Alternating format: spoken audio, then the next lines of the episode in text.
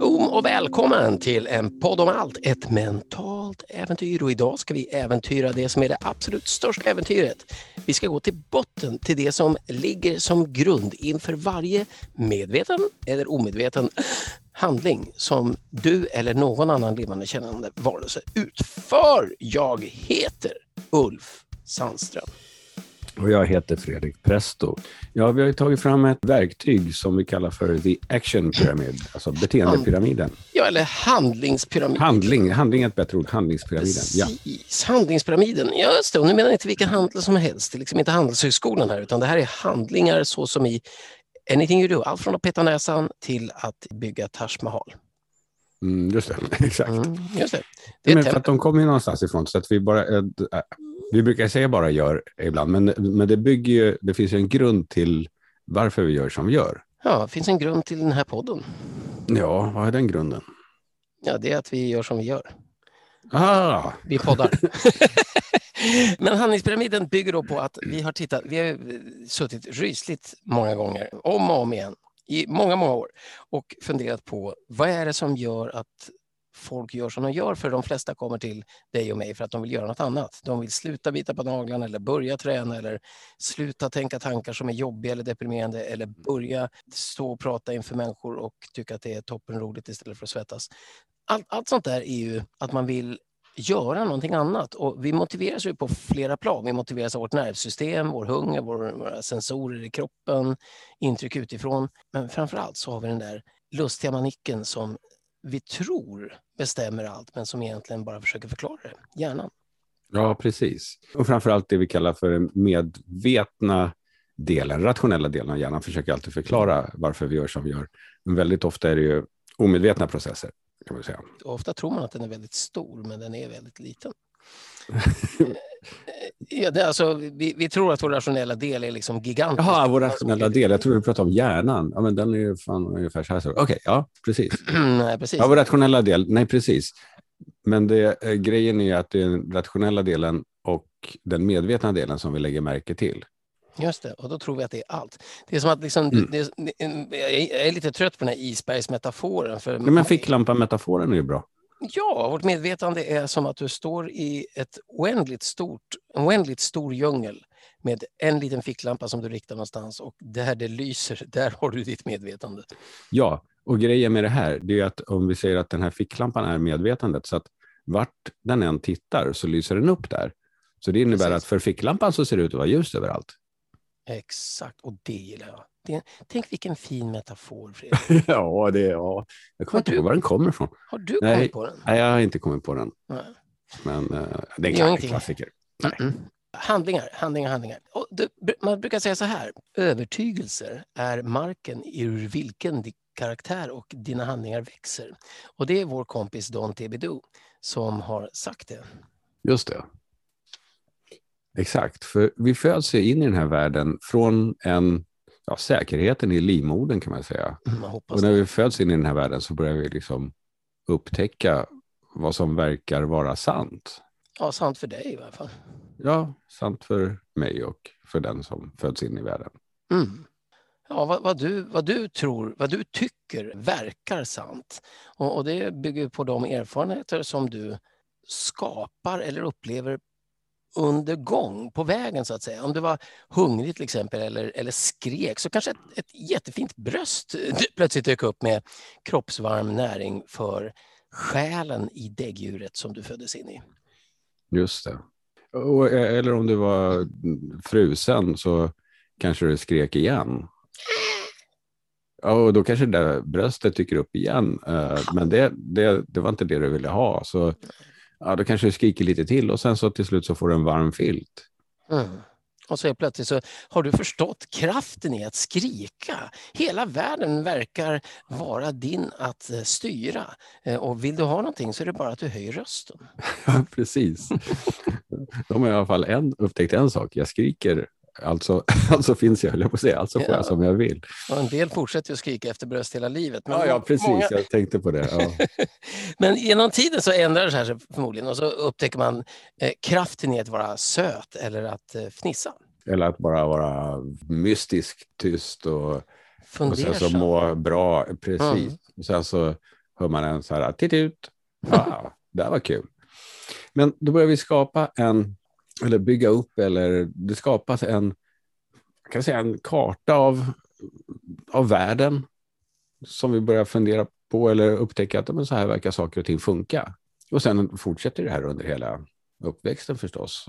Den här, den här kartan växer ju i fotspåren av alla dina erfarenheter. Och du listar ut olika sätt att navigera den här kartan eh, från Mm. de ställen du inte vill vara i till de ställen som kan ge dig de tre sakerna som vi verkar, i alla fall jag verkar eh, uppskatta. Och det är ju glädje, mening och njutning. I ungefär den ordningen. I alla fall oftast i den ordningen. Och i kroppen så är alla delar ihopkopplade och, och samarbetar eller De bidrar med sin del. Bidrar, ja, precis. Precis, till, till varje annan del. i en fanta- fantastisk komplex enkelhet. Mm, komplex enkelhet. ut i världen, i universum på samma sätt som vi ju delar våra andetag med ja, växter som skapar syre i den här dansen som skapade livet på den här planeten. Det är helt otroligt, alltså den där dansen som skapade livet på den här jorden. Alltså, växterna producerar syre som vi och det är deras utandning och vi andas in Mm. den och andas ut koldioxid som är deras inandning. Ja, Alltså vi och den, den gröna lungan på planeten, vi samarbetar om att skapa möjligheten för liv. Och ibland verkar det som att vi glömmer grunden i hela det här samarbetet när vi letar efter olika sätt att, att eh, leka med alla resurser som vi har blivit erbjudna, alla fantastiska möjligheter denna jord ger oss. Och så leker vi med det bortom att begripa då att det faktiskt finns ett klimat och att vi, om vi vill ha den här planeten i en evighet så kanske vi får chilla lite med att använda upp allt.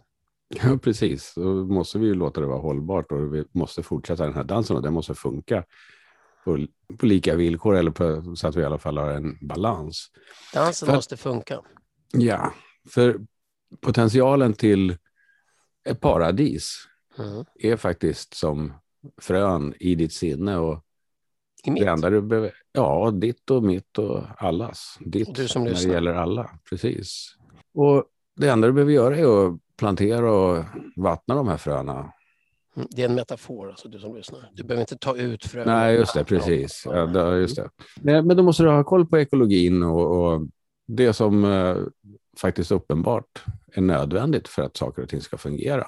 Men framförallt så måste du ha koll på ekologin av värderingar. För att dina övertygelser dina, erfarenheter leder till övertygelser och övertygelser till värderingar.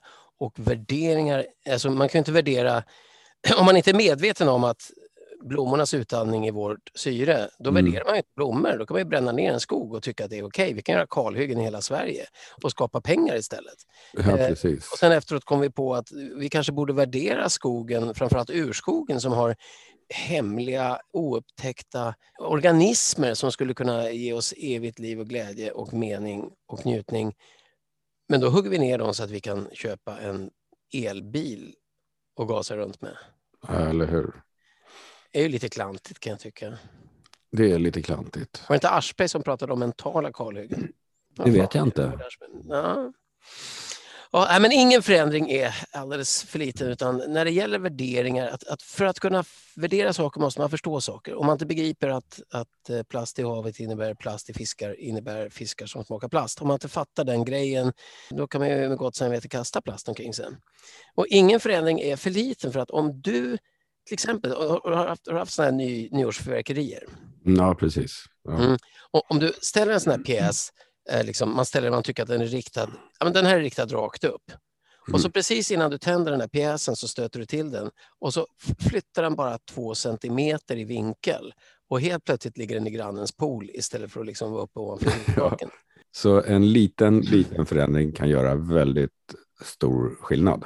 Och då finns det ju en mening med att inte slänga skräp i naturen. Det finns en mening med att sopsortera. Men det är inte den enda meningen, för det är en lika stor mening att fundera på om man nu ska ha en bil i 10-15 år, vad är det för sorts bil som, som på riktigt skonar den här jorden? Och då kan vi inte bara säga ja, självklart är det en bil som går på el, därför att det är inte självklart att det skonar jorden mer. Det är en otrolig effektivitet i fossila bränslen och det är ett otroligt avfall som skapas när man bygger en elbil. Vi har ingen aning om hur lång tid det tar att bryta ner batterier och sånt där.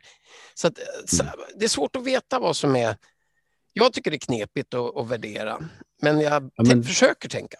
Ja, precis. Man får ju utgå ifrån det man vet och det man kan ta reda på. Men, men om man säger som grundregel så när man börjar upptäcka det här och göra saker och fundera på det här så gör det i, i, i glädjens, meningen och njutningens namn. Mm. Eh, så länge du liksom ser till att det inte hindrar någon annan levande organism från att uppleva glädje, mening och njutning nu eh, och i framtiden. Och det inkluderar dig själv i framtiden. Det innebär med andra ord att om jag åker ut på Sörmlandsleden och så börjar gå den och så käkar jag en, eh, något onyttigt med, i ett plasthölje och så släpper jag plasthöljet där. Så kommer jag tillbaka dit ett år senare och går samma led och pratar med alla Okej. Titta här ska ni se vad jag var nära naturen och pratade med ekorrar och min själ expanderade i granbarren. Och, och så säger någon, men vad fan, här ligger ju såna jävla plaskor. Vad är det för idiot som har slängt det? Och så kommer du på att shit, det var ju jag. Då inser man, en sån här plast, den kan alltså ligga i 400 år här för mig. Mm, jag kommer inte riktigt ihåg, men visst, det tar mm. lång tid att bryta ner plast. Ja, var, varje gång jag går tillbaka någonstans där jag varit för 400 år sedan så, så upptäcker man vissa grejer ligger kvar. Liksom. Ja. Eh, men man kan väl säga, om man ska summera alltihopa ja. på, på något vettigt sätt. Det som din upplevelse av livet får dig att tro är värdefullt kommer att skapa en attityd som guidar dina handlingar. Medvetet eller omedvetet. Och det är mm. ingen ursäkt. Och det är väl en ganska bra summering faktiskt av våran modell här, handlingspyramiden. Ja, det är en hyfsad eh, sammanfattning av handlingspyramiden. Den finns också som en datormodell faktiskt. Den finns som en 3D-modell som går att vrida och vända. Eh, och det är lite coolt, eh, där man kan läsa in många andra saker förutom bara handlingar. Men jag tycker att nu är, nu är inte jag, alltså vi, vi måste verkligen skärpa oss. Vi, vi har citerat massa människor som vi tycker har sagt bra saker, men vi har inte mm. kollat vem som sa vad och varför. Nej. Nej, och, och, vi råkade citera några stycken ytterst obehagliga människor. Ja, det är så märkligt att man, att, att de där, för det där är ju sådana citat som när man ändå googlar på någonting dyker upp. Och då tror man ju att men det här måste vara något bra, för den här personen har sagt det här bra. Men ja, det är väl en läxa. Be careful who you quote.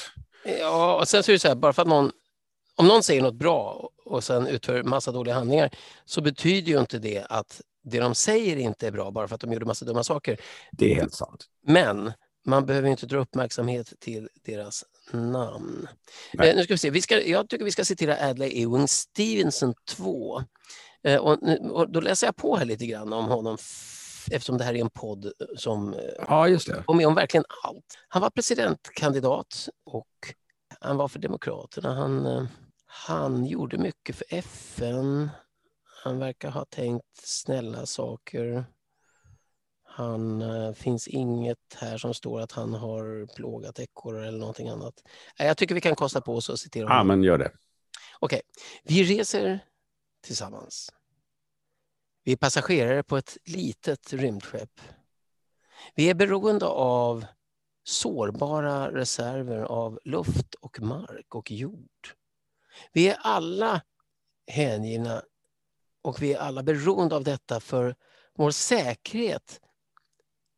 För att det finns en säkerhet och en frid i systemet. Vi, vi skyddas bara från att utraderas genom den omsorg, det arbete och den kärlek vi ger vårt sköra skepp. Adlai E. Stevenson. Ja, men en liten tår i ögat där tycker jag. Ja, ja, men visst, vi färdas genom rymden och vi har ju bara den här tunna, tunna, tunna hinnan av atmosfär och, och ett magnetfält som skyddar oss liksom från den dödliga rymden faktiskt. Våra, våra budord, det här med glädje, mening och njutning, de kom vi på mm. när vi tittade på själen, hur den beskrivs i massa olika religioner och alla olika budord i alla olika eh, mm. religiösa sammanhang. Och budord är ju där för att ge folk tips om hur man kan leva utan att ha ihjäl varandra och hela jorden. Men många budord är handlar om vad man inte får göra, alltså snarare vad man får göra. Och det var därför vi tyckte att det skulle räcka med två korta, glädje, mening och njutning för dig och alla andra så att säga. Inte mm. gör mot andra vad du vill att de ska göra mot dig, utan gör för andra vad de vill att du ska göra för dem. Mm. Ja, det är en jättestor skillnad på det. Alla måste inte gilla havregröt med, med sardiner bara för att du gör det. Och då fanns det några generella principer som vi hittade som har funnits i varje fall de senaste 6000 åren. Och, och jag tänkte vi, vi kan väl bjussa på det också, för det här är ju ändå en podd om allt. Och kan ju, du som lyssnar på det här, nu får du höra om varannan, eh, varannan herrarnas här. Och då får du fundera på om du håller med och eller vill undersöka. Och då kan vi ju säga redan i förväg att samtliga tio av de här är kongruenta, är i linje med vårt budord om glädje, mening och njutning. Ja. Nummer uno, se dig själv. Se det som är du i andra och andra i dig. Mm. Det finns ingen ursäkt för att skada andra. Ingen alls. Målet av livet är att utforska och eftersträva visdom och det som finns bortom den. Mm. Du drivs av vad du tycker verkar... uppfattar faktiskt. Ja, vad du, ja, du drivs av vad du uppfattar mm. som sant och möjligt. Mm, sant och möjligt. Dina handlingar definieras av andra som din personlighet. Hmm. Eftersträvade resultat är inte nödvändigtvis de bästa resultaten. Nej, verkligen inte. Och varje, varje moralisk tanke eller påstående har ett perspektiv till. Mm. Ett perspektiv till. Minst. Relatera till andra utöver dina missförstånd om dem. Precis. Bortom dina missförstånd till och med. Eh, mm. Och se till att dina handlingar är i linje med det som är bäst för hela världen. Och se bortom din förståelse. Just det. Precis, och det är ju, vi menar ju inte att du måste se, det är ju metaforiskt, du kan känna, ja. du kan ja. känna, du kan lukta, du kan smaka, du kan dofta bortom din förståelse. Eh, precis på andra sidan av din förståelse. Ja. Där växer en liten märklig ljudblomma som kallas Gitalelis slut på poddelis. ja, precis. Och hur, man, hur får man tag i kontaktis poddelinarna? Kontaktis poddelinarnas, eh, ja man kan, man kan prata. E-postis. Nej, alltså det är så här, träd kommunicerar genom svampar, eh, det är deras internet. Och vi kan prata med blommor enligt ett, en japansk studie, så du kan gå ut och prata med blommor och svampar och se om du når oss. Eh, och om du tycker att det tar lite lång tid, då kan du skicka ett e-mail till info npoddomalt.se. Ja. Ja. Då är det dags för uh, musik. Det är det alltid.